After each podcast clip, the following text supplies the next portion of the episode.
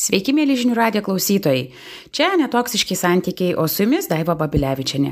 Ir šiandien šeši patarimai situacijoms, kai pykstame. Turbūt nėra nei vieno iš mūsų, kuris galėtų pasakyti, kad niekada nepykau. Visi pyksta. Vieni agresyviai, kiti labai pasyviai. Kai kurie labai pastebimai, kiti moka užgneušti pyktį savyje. Tačiau gebėjimas suvaldyti savo pyktį mums suteikia galimybę patirti emocinį komfortą ir lengvumą, bei iš tikrųjų padeda aukti ir netgi būti sveikesniems psichologiškai, emociškai. Pykčio užgniaužimas ir apsimetimas, kad niekada nepykstu, yra irgi žalingas. Todėl šiandien apie tuos šešis neauksinius, bet naudingus patarimus.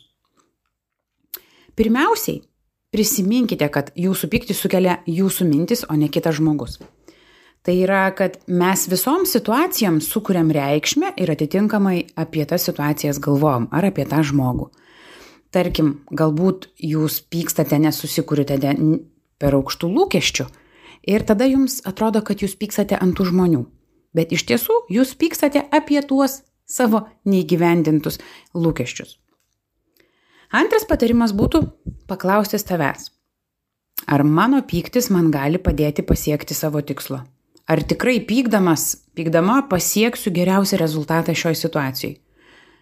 Svarbiausias klausimas - ar galiu pykdamas išlaikyti pagarbą savo ir kitam, bei bendrauti empatiškai.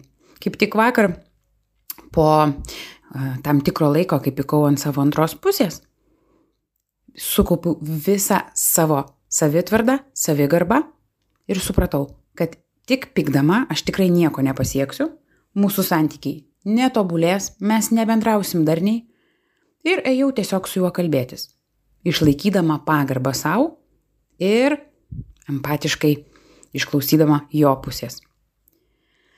Trečias patarimas būtų - nustokite gintis ir nustokite pulti.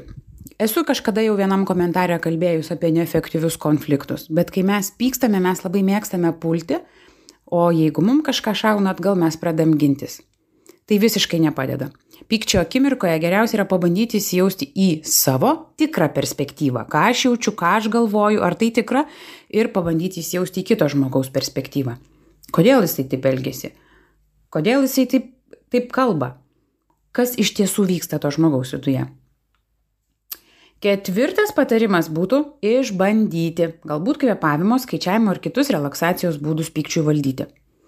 Tikrai efektyvu, Nes kai pykčio impulsas mūsų užlieja visą mūsų, ne tai kad mūsų, bet mūsų visą kūną, kartais net išmuša raudonis, e, dėl naimo prakaituoti, mes tiesiog nebegalime kalbėti, komunikuoti efektyviai. Dažniausiai tai veik, tiesiog veikia labai žalojančiai. Sekantis patarimas būtų pakeisti dėmesio centrą. E, galbūt esate girdėję tokią autorę Katie Byron, jinai yra darbo The Work metodo autorė, kuri patarė pyktį nukreipti į save. Situacijose, kai pykstame, ji rekomenduoja paklausti savęs, už ką šią akimirką aš pykstu ant savęs, bet projektuoju ant kito. Tarkim, užsiminiau komentaro pradžioj savo vakarykštę situaciją, kai aš pykau lyg tai ant vyro, bet iš tiesų aš pykau ant savęs, kad tam tikrose situacijose aš pamirštu brėžti asmeninės ribas. Ir tokiu būdu yra daug lengviau tiek suprasti pyktį, tiek pasikalbėti su artimu žmogumi ir sustatyti tuos nesklandumus į vietas. Na, o paskutinis patarimas, kuris tikrai yra efektyvus ir labai galėtų pagelbėti tiem, kuriem visgi yra sunku brėžti ribas ir kurie moka pykti reikšti per, moka pykti reikšti per daug agresyviai, pabandyti tiesiog išeiti. Jeigu jau niekaip neina susivaldyti tiesiog išeiti iš tos degančios zonos kur kyla pykčio audra galbūt mezgasi konfliktas. Pyktis niekada nieko neišsprendė o kai pykstame dažniausiai prisakome neadekvačių dalykų pridarome žalos galbūt net nebūtinai emocinės kartais ir fizinės kartais dūžta lėkštės krenta daiktai ir taip toliau ir panašiai. Tiek šiandien apie pyktį ir tuos patarimus kaip padėti jį valdyti O jeigu jums kažkokie patarimai yra veiksmingi, kuriuo aš nepaminėjau, būtinai užeikite į žinių radijas.lt susiraskite netoksiški santykiai ir pakomentuokite.